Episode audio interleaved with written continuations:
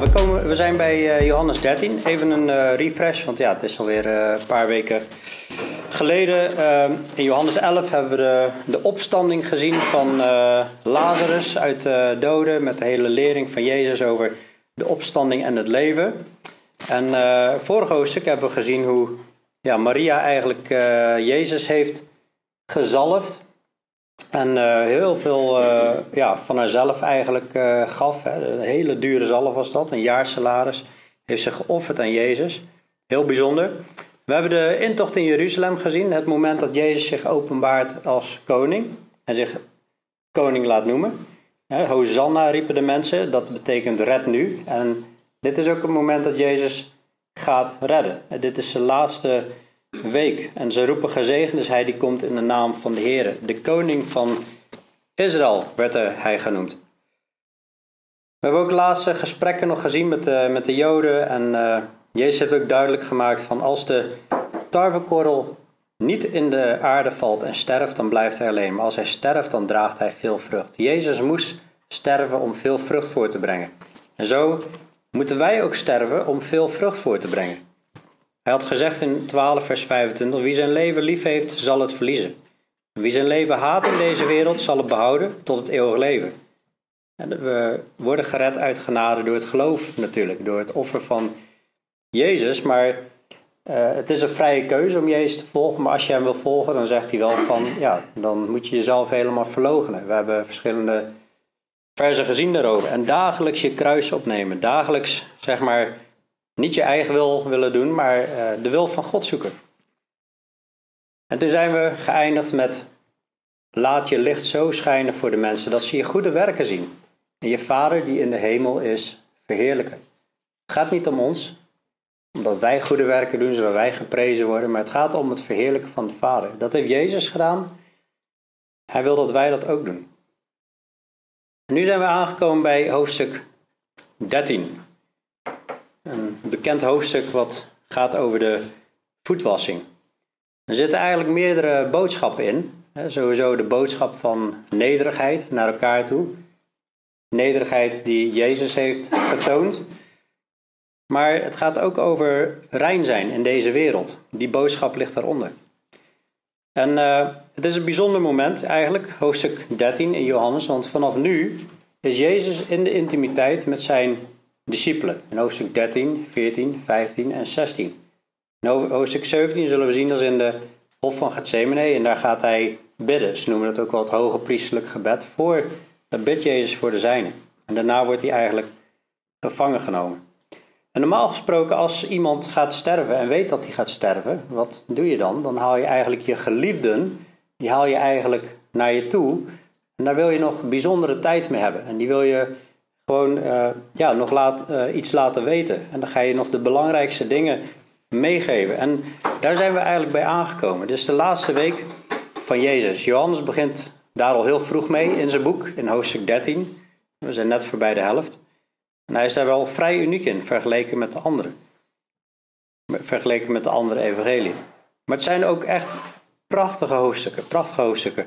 14, 15 en 16 zijn, uh, ja, kijk daar zo naar uit, maar hoofdstuk 13 ook. Als wij dit leren, als wij dit toepassen, wat Jezus vandaag gaat leren, zeg maar, dan, dan krijg je echt bij Huis van God een stukje hemel op aarde, zeg maar. Als, als wij gaan toepassen wat Jezus hier leert. Voordat we het hoofdstuk gaan lezen, wil ik eigenlijk even nog iets noemen. En dat is uh, Matthäus 11, vers uh, uh, 28. En dat is een heel bekend vers. Er staat: Kom naar mij toe, allen die vermoeid en belast zijn, en ik zal u rust geven. En, en, en heel vaak zie je die tekst op mooie plaatjes, zeg maar. En het is ook echt een hele, hele mooie tekst. Ik bedoel, ergens zijn we allemaal wel eens vermoeid. We zijn allemaal wel eens uh, ja, wat uh, uitgeput of zo. Maar Jezus zegt: Kom naar mij toe en ik zal je rust geven. Alleen als je daarbij laat, bij die punt, dan ga je hem niet in de volledigheid vinden. Want hij zegt er nog wat bij. Hij zegt: Neem mijn juk op u en leer van mij dat ik zachtmoedig ben en nederig van hart. En u zult rust vinden voor uw ziel. Want mijn juk is zacht en mijn last is licht. Dus eigenlijk zegt hij, die, die rust, die is wel voorwaardelijk. Je moet wel mijn juk op je nemen. En wat is, wat is het juk van Jezus? Dat is eigenlijk doen wat hij zegt. gewoon, Jezus heeft de opdracht gegeven. Leer de mensen onderhouden alles wat ik u geboden heb. Jullie zijn mijn vrienden als je doet wat ik je gebied. En dat zijn allemaal geboden die richten op de liefde naar de mens en die richten op de liefde naar, eh, tussen, tussen ons en God. Dat is het juk van Jezus. Daar moeten we van leren. En we moeten leren dat hij zachtmoedig is en nederig van hart. Nou, hoe doen we dat dan? Dat, dat doen we door gewoon te kijken naar zijn boodschap en te kijken hoe, hoe heeft Jezus zich gedragen, hoe heeft hij gehandeld. En vandaag zien we dat hij de voeten wast van de, dus de voeten was van de, de discipelen. En, en de voeten wassen, dat is een, een zeer, zeer nederige daad. Want uh, voeten wassen, dat hoort bij het werk van een slaaf. Als je heren hebt en, en uh, die worden gediend door, door slaven. En uh, je hebt natuurlijk ook familie en zo, maar de slaven, die, die deden het werk van voeten wassen. En waarom deden ze dat? Kijk, in, in, in dat gebied van Israël ja, dat was natuurlijk een eh, veel droger gebied, dus veel meer stof. En eh, ja, mensen eh, liepen veel meer op open schoeisel en zo. Je wordt, werd gewoon, je voeten werden vies en het was een hele nederige taak. Kijk, laten we eerlijk zijn. Ik bedoel, ik denk dat wij ook niet allemaal direct staan te springen om elkaars voeten te wassen. En vooral die van Daniel, nee.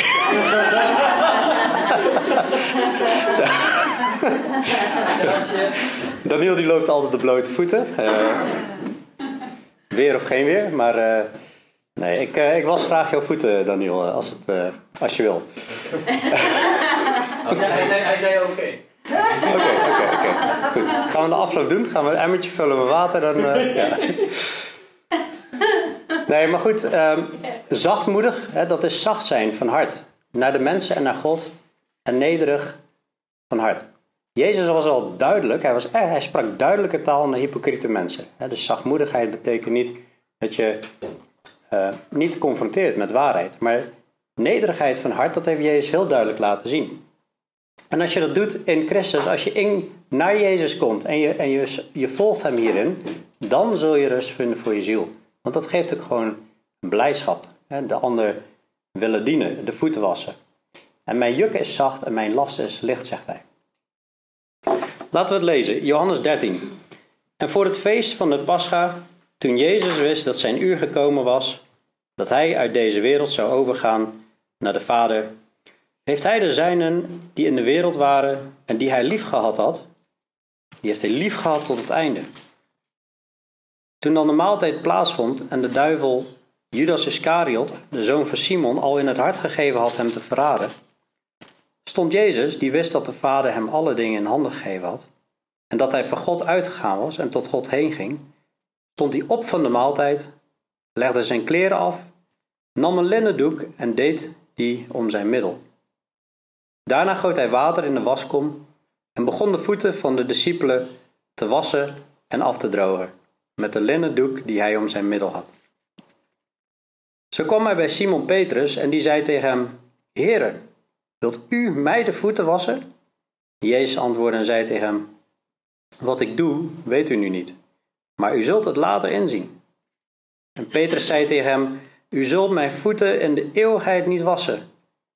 Jezus antwoordde hem: Als ik u niet was, heb je geen deel aan mij. En Simon Petrus zei tegen hem: Heere, niet alleen mijn voeten, maar ook mijn handen en mijn hoofd. En Jezus zei tegen hem: Wie gebaat heeft, heeft slechts nodig dat zijn voeten worden gewassen, want hij is al geheel rein. En u bent rein, maar niet alle. Want hij wist wie hem verraden zou, en daarom zei hij: U bent niet allen rein. Toen hij dan hun voeten gewassen had en zijn kleren weer had aangedaan, ging hij weer aanliggen en zei tegen hen: Ziet u in wat ik aan u gedaan heb? U noemt mij meester en heren en u zegt het terecht, want ik ben het. Als ik dan, de Heere en de Meester, uw voeten gewassen heb, moet ook u elkaars voeten wassen. Want ik heb u een voorbeeld gegeven, opdat ook u zult doen zoals ik voor u heb gedaan. Voorwaar, voorwaar, ik zeg u, een slaaf is niet meer dan zijn heer, en een gezant niet meer dan hij die hem gezonden heeft. Als u deze dingen weet, zalig bent u als u ze doet. Ik zeg dit niet van u allen, Ik weet wie ik uitverkoren heb, maar de schrift moet vervuld worden.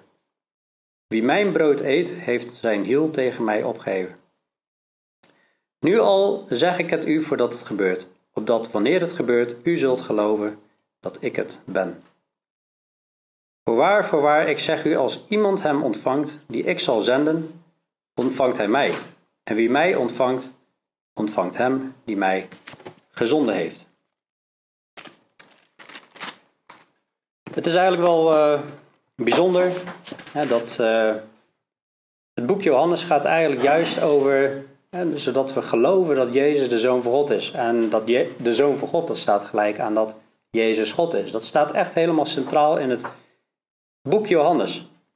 dus aan de ene kant Jezus wordt verheerlijkt. Maar terwijl Jezus verheerlijkt wordt in het Johannes-evangelie, dan zien we ook juist zijn nederigheid. Het is niet zo van, oh, hij wordt verheerlijkt, dus uh, hij komt hier even de baas spelen, zeg maar. Hij is natuurlijk uh, God, schepper van hemel en aarde.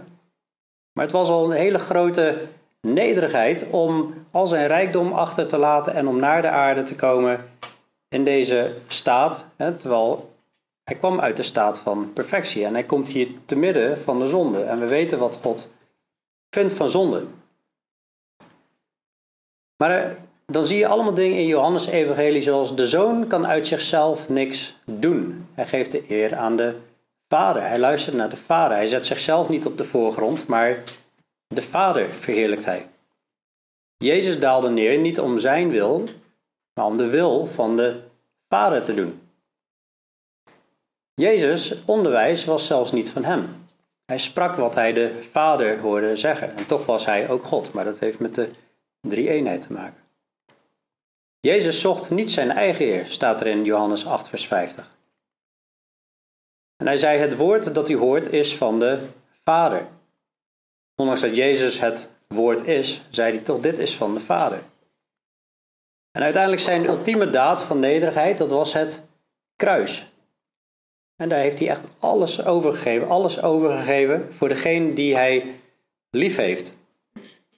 Dus in alles wat we Jezus zien doen, heeft hij zichzelf niet op de voorgrond gezet.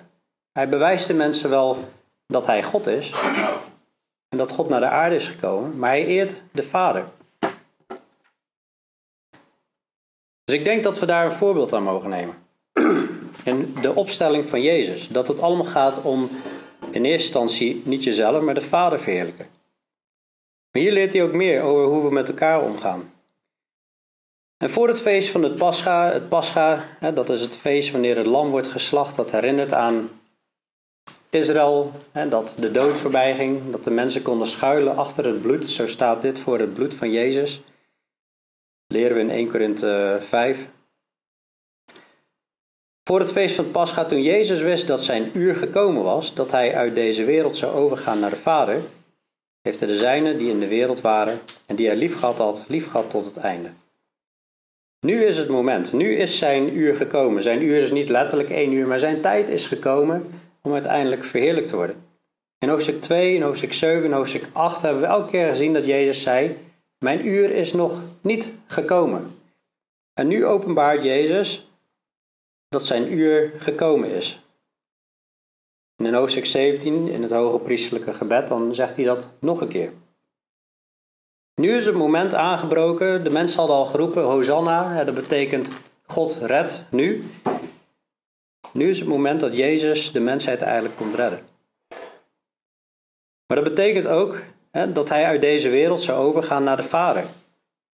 Dat hij de zijne en dat hij de zijne die in de wereld waren, die heeft hij tot het einde toe lief gehad. Hij moest weggaan, zodat de trooster zou kunnen komen, de Heilige Geest.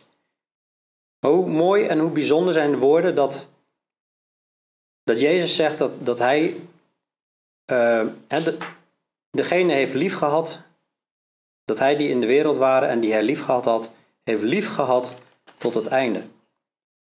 En God heeft de wereld zo lief, God de Vader heeft de wereld zo lief dat hij zijn zoon heeft gegeven. Maar Jezus heeft de zijne lief. En ik geloof, en dat ook al is hij nu bij de Vader, hij heeft ons ook nog steeds lief. Hij kwam hier echt uit, uit liefde voor ons allemaal. Dat is, dat is echt een, een bemoediging. Hè? Een bemoediging dat God ons lief heeft. Hij kwam niet om de wereld te veroordelen, maar om de wereld te redden. Alleen wie zijn, wie zijn aanbod afwijst, heeft wel natuurlijk echt een uh, probleem. Maar als je reageert op die liefde, dat is zo mooi om te horen dat Jezus je echt lief heeft. En toen dan de maaltijd plaatsvond in vers 2 en de duivel Judas Iscariot, de zoon van Simon, al in het hart gegeven had hem te verraden, stond Jezus, die wist dat de Vader hem alle dingen in handen gegeven had, dat hij van God uitgegaan was en tot, heen ging, uh, tot God heen ging. Hij stond op van de maaltijd, legde zijn kleren af en nam een linnen doek en deed die om zijn middel. Ja, een beetje lange zin, maar het begint met uh, Judas Iscariot. Judas Iscariot is al in het hart gegeven om hem te verraden. En Jezus weet dat. Toch wast hij nog zijn voeten. Dat is ook weer een bijzonder moment. Hij was de voeten van de discipelen. We weten uit, uit, uit hoofdstuk 6, toen uh, Petrus alweer even te snel uh, reageerde. Um, er ging een groep mensen ging bij Jezus weg, omdat ze zijn onderwijs te hard vonden. Oeh, uw woorden zijn hard. En er ging een grote groep mensen ging weg. En dan zegt hij tegen zijn, zijn, zijn twaalf, wil je ook niet weggaan? Petrus antwoordt dan, heren, naar wie zullen we gaan? U hebt woorden van eeuwig leven. Wij hebben geloofd en erkend dat u de Christus bent, de Zoon van de levende God. Zo'n zo mooie tekst dit, maar waar het even om gaat, nu in dit specifiek geval, is dat Petrus hier voor de twaalf spreekt: Wij hebben geloofd en erkend dat u de Christus bent, de Zoon van de levende God. En dan zegt Jezus, die zegt: Heb ik u, de twaalf, niet uitgekozen en één van u is een duivel? Dus Petrus sprak eigenlijk voor zijn beurt. En Jezus zegt dat één van hun, en hij doelde op Judas Iscariot, dat hij een duivel is. We zullen volgende keer iets verder ingaan op Judas, want vers, uh, hoofdstuk 13, vers 21 tot 30, die gaan er ook over. Maar Judas is niet, is niet gered, die is verloren gegaan. In hoofdstuk 17, vers 12 zie je dat ook. Toen ik met hen in de wereld was, bewaarde ik hen in uw naam. Hen die u mij gegeven hebt, heb ik bewaard en niemand uit hen is verloren gegaan dan de zoon van het verderf, dat de schrift vervuld wordt. Dat is eigenlijk wel heel erg, dat iemand jaren met Jezus gewandeld heeft, drie jaar met Jezus gewandeld heeft, en dat hij verloren gaat. Dat hij de woorden van Jezus heeft gehoord, ook vandaag weer, dat stuk wat we nu bekijken. En, en, en, en het raakt hem niet, het komt niet binnen in zijn, in, in zijn hart. En hij was niet opnieuw geboren. En dat is heel verdrietig. En het was al in het hart gegeven om hem te verraden. In de grondtekst, als je daar naar kijkt, dan staat er eigenlijk dat het in, hem in het hart gegooid was. Ja, dat kun je vertalen als dat het in het hart gegooid was. In Lucas, daar zie je dat, dat de Satan in hem voer, zeg maar. En het is zo belangrijk, hè? Satan die kan ook vurige pijlen naar ons toe gooien. Maar een christen, die heeft een wapenrusting gekregen. Die heeft een wapenrusting gekregen om zich te verdedigen. Dat als Satan vurige pijlen op ons afgooit, dan kunnen wij ons daarmee daartegen verdedigen. Met de schild van het geloof. En we kunnen tegenstrijden met de zwaard van de geest en al die dingen. Maar Judas niet. Die, die gaf Satan gaf die de ruimte. En Jezus die staat dan op in vers 3. En alle dingen zijn hem in de handen gegeven door de Vader. Dat, dat is een enorme uitspraak. Hij heeft dus echt heel veel macht, zegt hij op het eind ook, vlak voordat hij naar de hemel gaat. Mij is gegeven alle macht in de hemel en op aarde. Hij wist dat alle dingen in zijn handen gegeven waren en dat hij van God uitgegaan was en tot God heen ging. maar toch gaat hij het volgende doen. Leg zijn kleren af, nam een linnen doek en deed hij om zijn middel. Hij goot water in de waskom en begon de voeten van de discipelen te wassen en af te drogen. Met de linnen doek die hij om zijn middel had. Dus in plaats van dat een slaaf in hun midden het werk doet om hun voeten te wassen, is het Jezus, de schepper van hemel en aarde, die bij de discipelen de voeten gaat wassen. Hij is koning de koningen en heren de heren, maar hij, hij stelt zich hier zo nederig op. Hij eist zijn rol niet op en hij dient de discipelen. Ik denk dat ze even raar staan te kijken. Dat zie je natuurlijk ook aan de, aan de reactie van Petrus. Ik bedoel, Als je, ja, we hebben niet echt zo'n Nebuchadnezzar figuur of zo'n uh, hele grote heerser uh, vandaag de dag, maar laten we Trump maar even als een voorbeeld uh, nemen. Die heeft aardig wat invloed wereldwijd, maar het zou best wel apart zijn als Trump ergens op visite komt, camera's staan op hem gericht bijvoorbeeld, en ineens staat hij op en hij zegt tegen een schoonmaakster: Ik ga de vloer uh, voor jou eh, schoonmaken, of ik ga de wc's nu even schoonmaken. Ja, het, het, is niet helemaal vergelijkbaar, maar in ieder geval. En niks mis met schoonmaakwerk, maar Jezus doet hier het werk van een, een slaaf. en hij stelt zich heel nederig op om, om te laten zien: van zo dienen wij elkaar. Het is ook wel bijzonder om te zien in Lucas 22 dan zie je eigenlijk dat uh, in hoofdstuk 21 op, op het eind, daar staat dat uh, Jezus zijn laatste dagen heeft in, in, Jeruzalem. We zien daar ook het verraad van Judas in hoofdstuk 22. En het heilige avondmaal. Dit, vindt, dit, dit vindt ook in de laatste week vindt dit plaats, dit verhaal. En dan ineens in Lucas 22 vers 24 tot 30 blijkt er oneenigheid te zijn onder de discipelen. Er ontstond ook oneenigheid onder hen over wie van hen geacht werd de belangrijkste te zijn. En hij zei tegen hen: De koningen van de volken heersen over hen. En wie macht over hen hebben, worden weldoeners genoemd. Bij u echter moet dat zo niet zijn. Maar de belangrijkste onder u moet als de jongste worden. En wie leiding geeft als iemand die dient. Want wie is belangrijker? Hij die aanligt of hij die bedient? Is het niet hij die aanligt? Ik echter ben in uw midden als iemand die dient. En u bent het die steeds bij mij gebleven bent in mijn verzoekingen. En ik beschik u het koninkrijk zoals mijn vader dat aan mij beschikt heeft. Opdat u eet en drinkt aan mijn tafel in mijn koninkrijk. En op tronen zit en de twaalf stammen van Israël oordeelt. Maar voor nu, deze tijd, wil hij dat we worden als kinderen. Dat we worden als de jongsten en wie leiding geeft als iemand die dient. En dat je niet leiding geeft uit heerschappij, zeg maar. Het is echt de wereld op zijn kop. Terwijl we juist leven in een wereld waar het uh, is uh, ikke, ikke, ikke en de rest kan, rest kan stikken. Het is elleboogwerk, uh, niet alleen in het bedrijfsleven, maar ook, helaas, is dat de kerken binnengedrongen. We hebben de ene leiderschapsconferentie na de andere. Iedereen wil de leider zijn. Maar de leider is degene die dient, die bereid is om als een slaaf de ander te dienen. Al zijn tijd op te geven, al eh, zijn verlangens op te geven. En dat kan alleen als we sterven, als we sterven met Christus. En niet meer ik, maar Christus leeft in mij. Maar goed, zo kwam Jezus bij Petrus en die zei tegen hem: Heere, wilt u mij de voeten wassen? En met andere woorden, absoluut niet. Maar Jezus antwoordde en zei tegen hem: Wat ik doe, weet u nu niet, maar u zult het later inzien. Petrus die wil natuurlijk helemaal niet dat zijn heer zich zo nederig opstelt. Maar Petrus die moet iets leren. Die moet leren dat hij Jezus moet gaan volgen. En datzelfde doen, zich nederig op gaan stellen, zeg maar. Zodat hij juist anderen kan gaan dienen. En dat moeten we uiteindelijk allemaal leren. En daar moeten we ook mee doorgaan. Dat is niet zo, oh nou, ik heb een keer uh, me nederig opgesteld, nu heb ik het geleerd en uh, nou, check. En uh, ik ga weer even met mijn eigen leven verder. Dat, nee, dat is een doorlopend iets. Maar er is hier wel meer aan de hand dan alleen maar nederig zijn. En dat zullen we zien in de volgende verse. Vers 8 zegt Petrus tegen Jezus: U zult mijn voeten in de eeuwigheid niet wassen. En daar komt niks van in dat u als Heer u zelf zo nederig gaat opstellen. Dat zegt hij eigenlijk.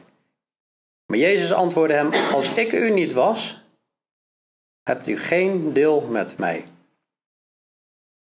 Simon Petrus zei tegen hem: Heere, niet alleen mijn voeten, maar ook mijn handen en mijn hoofd. Jezus zei tegen hem: Wie gebaat heeft, heeft slechts nodig dat zijn voeten worden gewassen, want hij is al geheel rein. En u bent rein, maar niet allen. Zoals vaker dan, dan, dan zegt Jezus in één keer dingen dat je denkt van, wat bedoelt hij nou eigenlijk precies? Maar ik denk, ik denk dat, we, dat we heel duidelijk hier zien dat Jezus ineens een switch maakt van aan het oppervlak reinigen naar de binnenkant reinigen. En dat zie je ook heel duidelijk in vers 11. Want hij wist wie hem verraden zou, daarom zei hij: U bent niet allen rein. Hier heeft hij het wel degelijk over de, de binnenkant. Judas is van binnen niet rein. Hem is, hem is iets in het hart gegeven door de Satan om, om Jezus te verraden. En dus het is belangrijk dat we geheel gereinigd worden. Maar hij maakt, ook, hij maakt ook duidelijk, wie gebaat heeft, heeft slechts nodig dat zijn voeten worden gewassen. Want hij is al geheel rein. In de wereld worden we besmeurd en bevuild en dan moeten we continu herhaaldelijk nog gewassen worden. Ik wil even wat teksten laten zien. Even een break van Johannes 13. En dit zijn bemoedigende teksten. Hè, om te zien wat, wat God eigenlijk gedaan heeft. Wat het werk van Jezus eigenlijk ingehouden heeft. In 1 Korinthe 3 vers 9 zien we...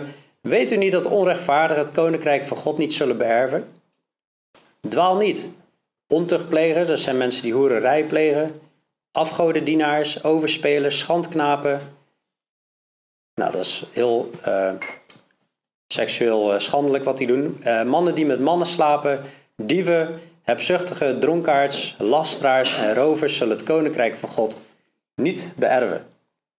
Sommigen van u zijn dat wel geweest, maar u bent schoongewassen. U bent geheiligd.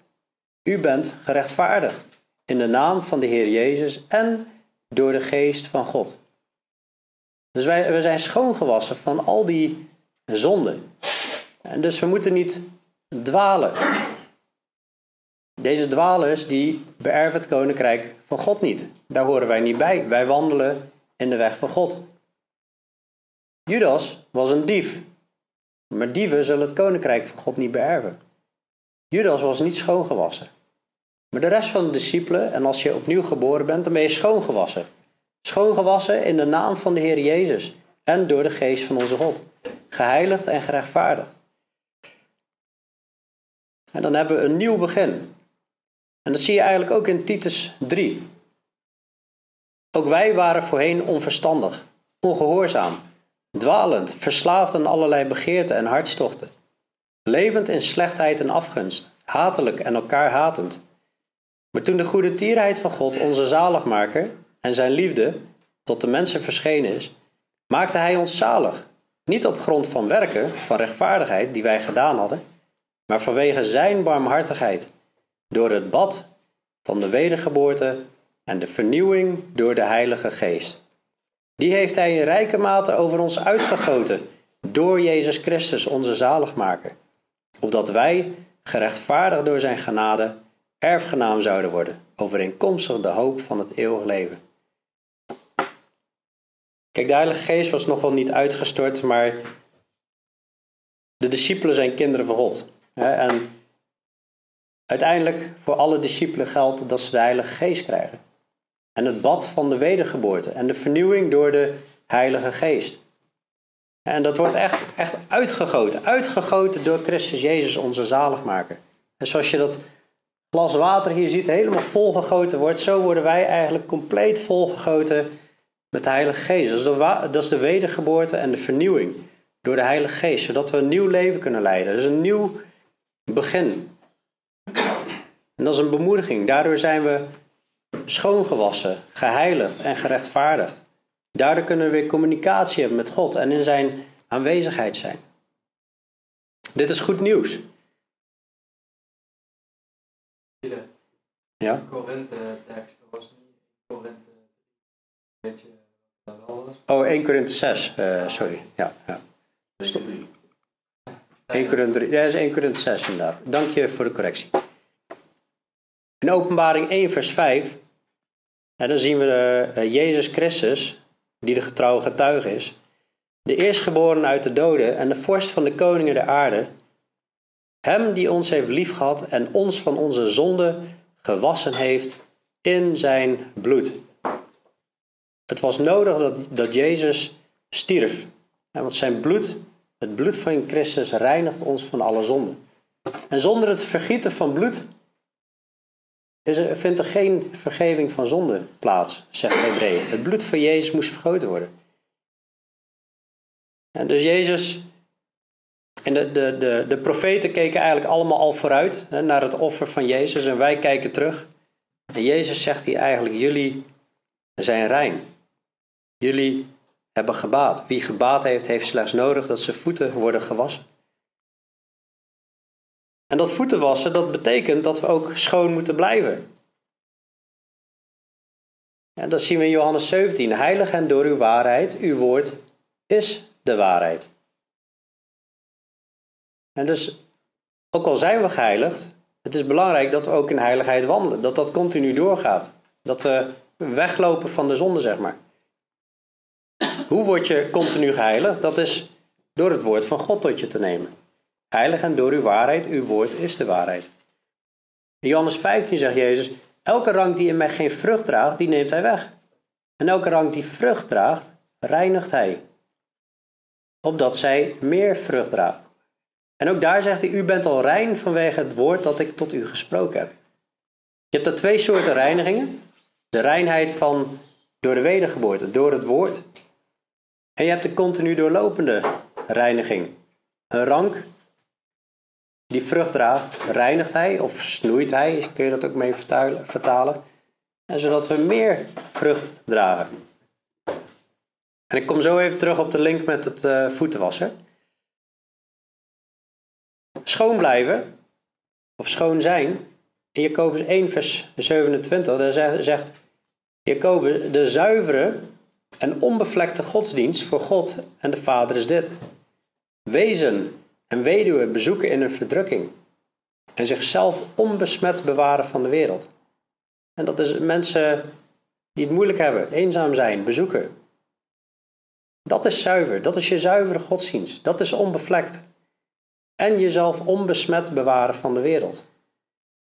Wat voor muziek, wat voor wereld, waar komen wij, zeg maar. Ja, en we zijn wel in de wereld, niet van de wereld. Hè. We, we kunnen niet als Amish leven, maar we kunnen wel beslissen om uh, net te leven als de wereld. Hè. Nee, onbesmet bewaren van de wereld. In openbaring 19, daar zullen we op de zondagen nog op uitkomen. Daar zie je de bruiloft van het lam. Laten wij blij zijn en ons verheugen en hem de heerlijkheid geven. Want de bruiloft van het lam is gekomen. En zijn vrouw heeft zich gereed gemaakt. Dat is de gemeente van, van Christus. En het is haar gegeven zich met smetteloos en blinkend fijn linnen te kleden. Ook weer het smetteloze. Want het fijne linnen zijn de gerechtigheden van de heiligen. Natuurlijk kan dat alleen maar op basis van het werk van Christus. Maar het fijne linnen, en dat is wandelen in heiligheid. Zo wil Paulus, zegt hij ook in 2 Korinthe 11 vers 2, dat hij de gemeente als, een, als een, een bruid wil ik moet er even bij pakken, voordat ik verkeerd citeer. 2 Korinthe 11. Vers 2, daar zegt hij: Ik beijver mij voor u met een ijver van God. Ik heb u immers al immers ten huwelijk gegeven aan één man, om u als een reine maagd aan Christus voor te stellen.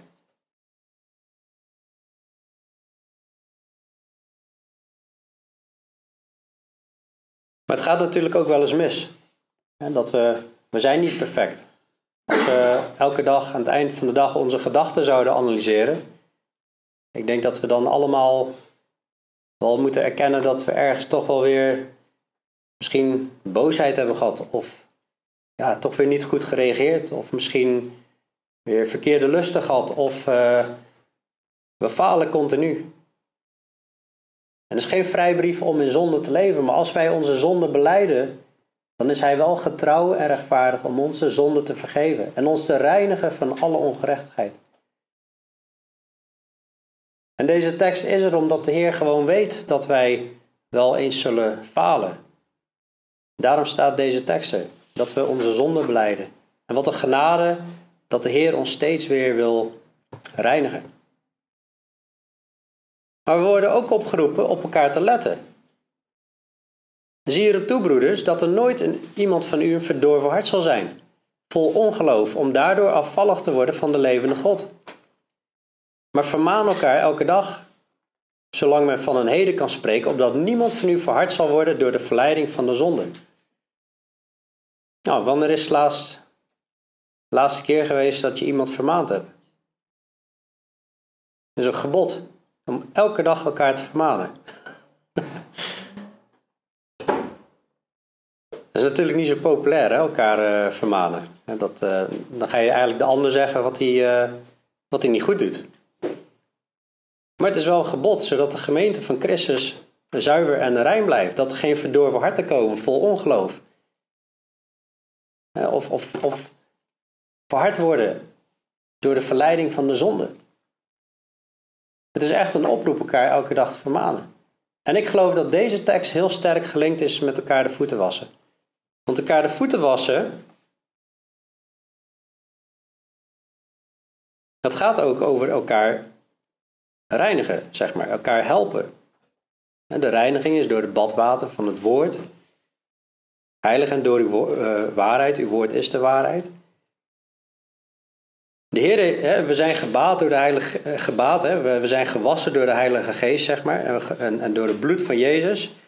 En in Christus zijn we helemaal schoon gewassen, maar we moeten wel steeds opnieuw delen reinigen. We komen met onze voeten ja, in de wereld en we, we, we komen in contact met onze gedachten en met, met de wereld. Maar ik geloof, elkaar vermanen, daar, daar, daar heb je eigenlijk toch best wel wat nederigheid voor nodig. Want het, je maakt jezelf helemaal niet populair. Je maakt jezelf totaal niet populair als jij naar een, een broeder of een zuster afstapt en je weet dat er iets is. Die persoon is misschien op verkeerde plaatsen geweest, of je hebt iets gehoord of gezien. Nee, ja, dat is, dat is eigenlijk niet goed. Dat is, dat is verharding, of dat was niet verdraagzaam, of um, daar moeten we het over hebben. Maar als jij naar iemand toe moet gaan en zeggen dat iets niet goed is in zijn gedrag, dat is niet fijn. Want dan kan de ander ja, jou als uh, niet zo prettig ervaren of uh, misschien minder aardig vinden. Of, uh, en uiteindelijk willen we allemaal toch ergens wel aardig gevonden worden. Hè? Dat, dat zit in de, in de mens. Maar het vergt eigenlijk wel wat nederigheid om, om naar de anderen te gaan. En, en ik heb het over een liefdevolle manier. Hè? Om op een liefdevolle manier te vermanen. Want elkaar even de les leren, ja, dat, dat, dat gaat ook wel weer vrij automatisch soms. maar op een nederige manier gewoon elkaar de voeten wassen. En dat je zegt van, uh, ja, broer of zus, ik, uh, kan ik even met je praten? Want ik, ja, ik heb laatst uh, dit of dat gezien. En ja, ik, gewoon uit, uit liefde, bewogenheid, ben even benieuwd, ben je daarvan bewust? En ja, ik wil daar graag over hebben, want ja, de Heer vindt het eigenlijk niet fijn. Ik maak, ik maak me wel wat zorgen, maar echt, echt uit liefde en, en uit bewogenheid. Hè, dat en dat is al, al heel anders dan, ik zal jou eens even de les lezen, zeg maar. En uh, misschien vind je de woorden die ik kies helemaal niet taktvol nu, maar goed, daar moet iedereen zijn eigen tact in vinden natuurlijk. Maar ik vind het altijd een hele stap. Ik vind het een hele stap om, om, om, zoiets te doen. En ik vind het ook gewoon lastig en dat vinden we allemaal. Maar dit is wel ook nederigheid. En dan moeten we tegelijkertijd allemaal voor openstaan en verdraagzaam in zijn staan ook oproepen als laat het woord van Christus in rijke mate in u wonen. In alle wijsheid, onderwijs elkaar en wijs elkaar terecht. En dan zie je de hele combinatie. Het woord van Christus rijkelijk in je laten wonen, want dat reinigt. Wijs elkaar terecht.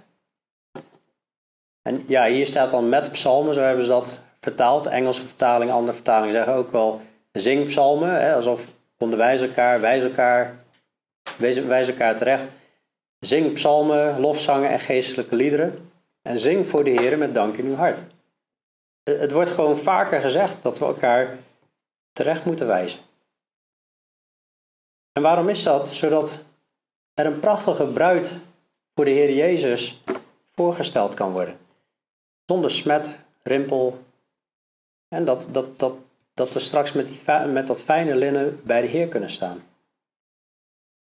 En Jezus kan elk moment komen. Dus dit is wel iets waar we echt gewoon continu mee bezig moeten zijn. Wees waakzaam, verwacht zijn komst. De dag is nabij, die oproepen zie je continu. En tegelijkertijd mag je ook elkaar de zonden beleiden. Ja, als je zegt, ja, ik, het zit niet goed, eh, en eh, elkaar vragen om voor elkaar te bidden. Maar ik geloof dat dit de, de diepere betekenis is. De diepere betekenis van wat Jezus aan het doen is. Hij zegt vers 7, wat ik doe weet u nu niet, maar u zult het later inzien. Het gaat over eh, wie gebaat heeft, heeft slechts nodig dat zijn voeten worden gewassen, want hij is al geheel rein. En u bent rein, maar niet alle. En dan spreekt hij over de, innerlijke reinheid. In vers 11 gaat verder, want hij wist wie hem verraden zou, daarom zei hij, u bent niet alle rein.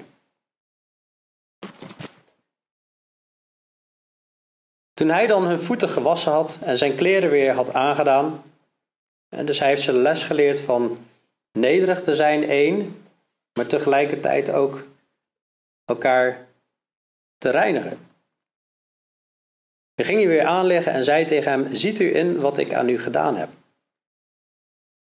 Nou, is het nou de bedoeling dat wij hè, dus, dus hier uh, nou, inderdaad een bak water uh, neer gaan zetten? En ik, hè, nogmaals, Daniel, ik wil, ik wil heel graag je, je voeten wassen als je wil.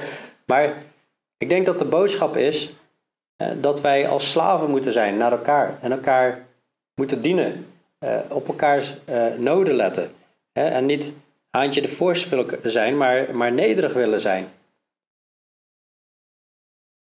En dus, en dus op elkaar letten. Op elkaar letten en. Nou goed, door het delen van het woord hè, kom je ook al vermaningen tegen. Maar soms is het ook specifiek en mag je iemand aanspreken. Ik geloof dat dat de les, les is. Ziet u in wat ik aan u gedaan heb? vraagt Jezus.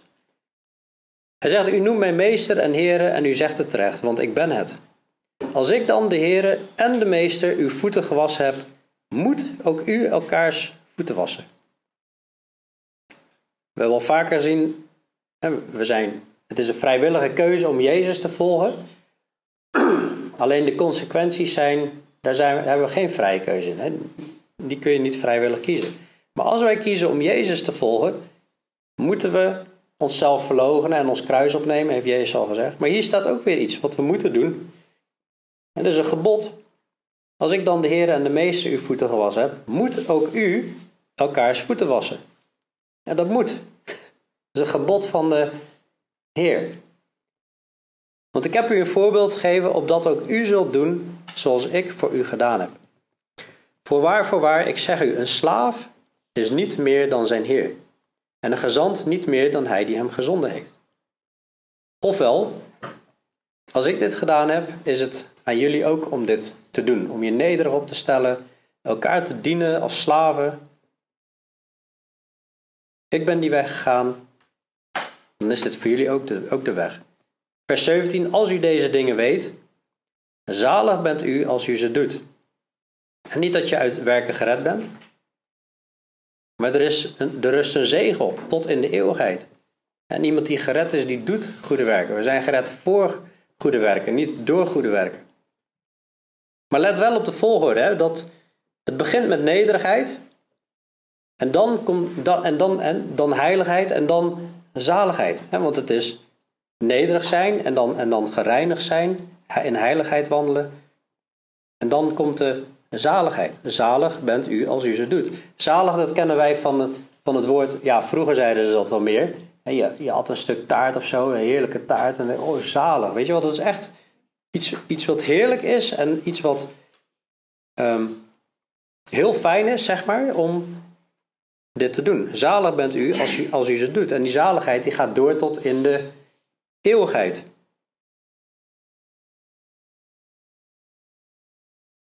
En we hebben gezien als we van Jezus leren dat, dat hij zachtmoedig is en nederig van hart, dan zul je rust vinden voor je ziel. In Johannes 15 gaan we leren, als we doen wat Jezus zegt, dan zal je blijdschap volkomen worden. Als je in Hem bent, in Zijn liefde bent, in Zijn woorden bent en die in acht neemt. Hier rust echt een zegen op als we niet meer aan onszelf denken, maar aan de ander denken. We zijn vaak veel te veel met onszelf bezig en dat, dat, dat maakt je ongelukkig als je te veel met jezelf bezig bent. Als we met, meer met een ander bezig zijn, dan hoef je ook niet over heel veel zorgen na te denken.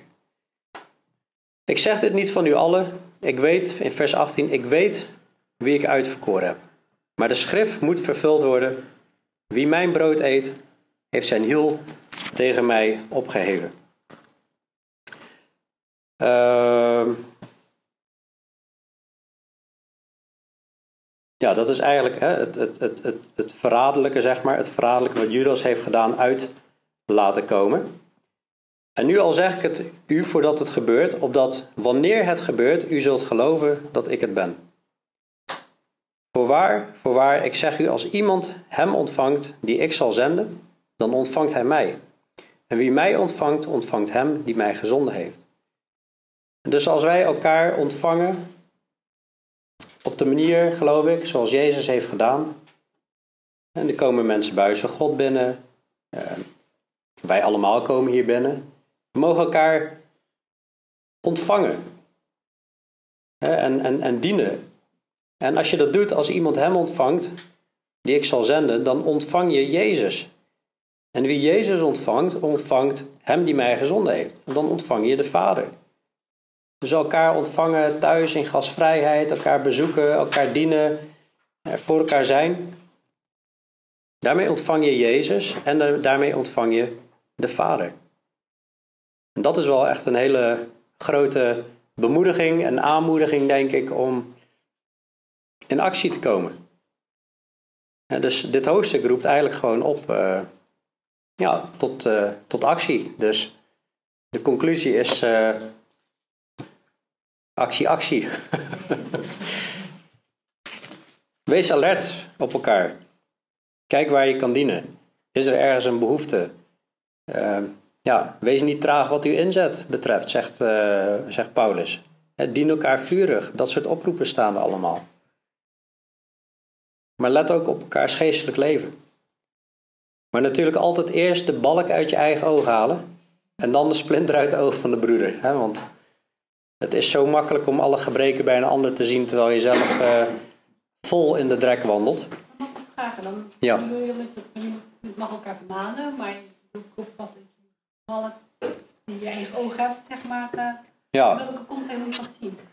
Nou ja, in, in Matthäus uh, 6 of 7, denk ik, nou ergens daar in de bergreden, daar zegt Jezus, oordeel niet op de manier dat je geoordeeld wordt, hè, maar dat je wel de, ja, als je de balk uit het oog van de broeder wil halen, dan moet je eerst splint, nee andersom, als je splinter uit het oog van de broeder wil halen, eerst de balk uit je eigen oog. Dus uh, ja, je kan denken, het zit allemaal niet goed met mijn uh, broeder, ik, uh, ik ga hem eens even ja, terechtwijzen, zeg maar. Nee, maar je moet ook jezelf onderzoeken, zeg maar. Eerst een balk uit je eigen oog halen. want uh, je kunt ook doorslaan en meer met de ander bezig zijn dan met jezelf, snap je? Dus dat is, dat is altijd. Hè, dat je... Maar goed, dat, dat haalt niet weg dat we de opdracht hebben om ook op elkaar te letten. En we moeten gewoon allemaal rein zijn, zodat we dan ook de ander kunnen helpen, zeg maar. En dat is hoe, hoe je ook discipelen maakt. Leer mensen onderhouden alles wat ik u geboden heb, om daarin te blijven wandelen, zeg maar. Helpt dat? Nou, ik dacht, nou, nee. Maar, ja, ja, sorry, dat helpt wel. Nee, maar ik, nee, maar ik, ik bedoel eigenlijk van, uh, ja, stel je voor, ik zou gaan, ja, ik vind het een beetje lastig. Ik bedoel, stel je voor, je ziet iemand uh, een rij plegen, zeg maar. Maar ik heb gisteren bij de Albert Heijn een fles cola in mijn tas gestopt. Dan, een fles wat? ja, een fles cola, ik noem het hè. Uh, ja, dat, is wel zeer ernstig gezond. Ja, maar dan, uh, nee, maar ik bedoel, als je dan, ja, kijk, wat ik doe is natuurlijk ook niet goed dan. Maar gestolen bedoel je? Huh? Gestolen. Ja, gestolen, maar ik zie Oh, gestolen. Oh, dat had ik niet begrepen. Oh, ja. nee, voor. Nee, maar, nee, maar, Sorry, ik, uh, ik begreep het verkeerd. Uh, ja. Nee, maar ik bedoel, oké, je ziet dat iemand zeg maar uh, overstel pleegt met iemand anders. En ik heb bijvoorbeeld gisteren een, dus die fles cola in mijn tas gestopt. Ik heb dus gestolen. maar ik spreek die broeder erop aan. Heb ik dan... Ja, dat, heb ik ja. geen recht van spreken dan.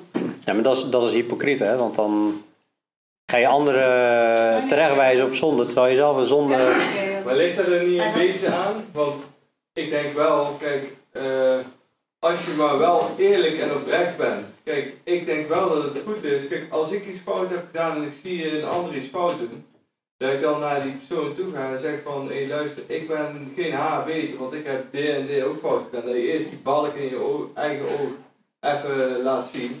Maar ik zie wel dat je dit, dan dan ben je toch behulpzaam naar die ander toe. Ja, maar het, is beter, het is beter, en dat is altijd de weg, om direct, om direct je zonde te beleiden en je, je daarvan te bekeren. En, en, en ja, zo, vaak als nodig is, maar ook, ook toch ook de, je broeder of zuster eh, aan te spreken, zeg maar. Ja. Het feit dat Astrid een, een colafles gejat zou hebben. iets wat ik overigens niet zou doen, maar hè, dat wil toch niet zeggen dat als ik iets verkeerd doe, Astrid daarom niet naar mij toe zou kunnen mogen komen van hé Selina, heb hier en hier wel eens bij stilgestaan. Nee, nee, allebei. Alleen je, je, moet, je moet natuurlijk eh, ook jezelf onderzoeken. Van eh, ja. Ik, ik ga nu een ander op zonde wijzen, maar Wat daar dan zegt, dan heel mooi. Nou, Mag ik wil hierop wijzen, maar ik wil zelf ook wel benadrukken dat ik ook niet perfect ben, want ik heb Ja. eerst het colafles. Nou, er staat ook haal eerst de balk uit je eigen oog. nou, laten we het gewoon eens even opzoeken. Ja, maar ik wil zeggen, je kan naar iemand toe gaan en zeggen, ja, ik heb ook een balk in mijn oog. Maar dan zit hij er nog steeds. Maar je, Het gaat ook om die je zoals ik heb. je kan hem ook uithalen en dan naar degene toe gaan. Dan kan je nog steeds Ja. zeggen, ja, ik heb dit uitgekomen aan een balk niet uit. Ja. Oké, het, het stuk is, eh, staat in Matthäus, in Matthäus 7. Nee. Het stuk staat in eh Matthäus 7, vers 1. Er staat: Oordeel niet, opdat u niet geoordeeld wordt. Want met het oordeel waarmee u oordeelt, zult u zelf geoordeeld worden. En met welke maat u meet, zal- er bij u ook gemeten worden. Waarom ziet u wel de splinter in het oog van uw broeder, maar merkt u de balk in uw eigen oog niet op? Of hoe, hoe zult u tegen uw broeder zeggen: Laat toe dat ik de splinter uit uw oog haal en zie, er is een balk in uw eigen oog? Huigelaar, haal eerst de balk uit uw eigen oog en dan zult u goed kunnen zien om de splinter uit het oog van uw broeder te halen. En sommigen halen dit aan als van je moet nooit oordelen, hè, want vers 1 zegt oordeel niet opdat je niet geoordeeld wordt. Maar je moet wel het hele stuk eh, pakken.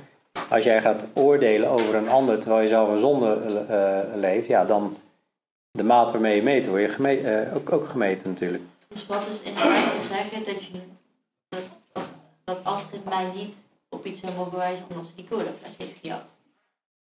Ja, ze moet eerst dat zelf, eh, eerst de balk uit je eigen oog halen. Hè, dus eerst je zonde beleiden en erkennen. Astrid moet eerst die colafles terug gaan brengen, op gaan betalen en dan Ja, pas. ja. En dan Oké. Maar het gaat niet veel meer om de levensstijl hebt. Zo denk ik dus, ja. Allebei, hè? Allebei. Ja, en van de andere kant ook. Hè? Dus, ehm, nou, misschien eh, heb je op een gegeven moment iemand in de gemeente die, die heel vaak zondigt, waarvan je dat weet. En eh, misschien eh, week in, week uit in dezelfde zonde eh, valt. Maar ja, goed. Ook al bekeert die persoon zich elke week en, en, en keert hij zich er echt vanaf. Hè? Ja, er staat ook tot 7 maal 70 maal vergeef je de broeder zijn schuld, zeg maar. En dus er zit kennelijk toch wel eh, ja, gevallen tussen. Maar ja, uiteindelijk zijn we het allemaal. Maar wat wil ik nou zeggen? Je moet ook een houding hebben van... hey, ook al, ook al zie ik hem vaker zonder eh, leven, hij beleidt wel elke keer zijn zonde of zij. En ehm, ook al spreekt die persoon mij nu aan, je moet gewoon toch eerlijk oprecht luisteren. Van, en je vlees kan dan denken, ja, jij dan. Ja. Maar, maar dan nog, al- als die persoon gewoon gelijk heeft, dan, dan heeft hij gelijk. En moet je gewoon je daarvan bekeren en ook je zonde eh beleiden, zeg maar. Dus eh, het is niet zo van, eh, ja, hij, hij zondigt ook zo vaak, dus ik mag ook wel een keer of zo. Ja, dat, dat is niet. Nee. Maar in ieder geval, de, de opdracht is altijd hè, in zachtmoedigheid en, en, en nederigheid. Hè. Dat is wel de houding waarmee je naar iemand toe gaat. En als, als liefde niet ja, centraal staat, hè, je ziet bij de geestelijke gaven, zie je tussen eh 1 Korinthe 12 en 14, zie je het hoofdstuk van de liefde. Als liefde, niet centraal staat, als dat niet de, de drijfveer is, dan doe je het echt uit eh, verkeerde beweegredenen, zeg maar. Want als je het uit irritatie doet, heeft hij nou weer gezondigd? Ja, nou, eh, nou ben ik er klaar mee. Nou, dat, dat is niet de, de, de motivatie moet zijn. Dat je uit liefde voor die broeder, dat je die echt wil helpen, zeg maar. Maar goed, in ieder geval, eh, ik vind het een, eh, een, een mooie boodschap. Een mooie boodschap die Jezus geeft. En dat we elkaar echt mogen dienen. En ik zei op het begin, als we dit gaan toepassen, zo leven met elkaar, dan krijg je een stukje hemel op aarde. Waarom?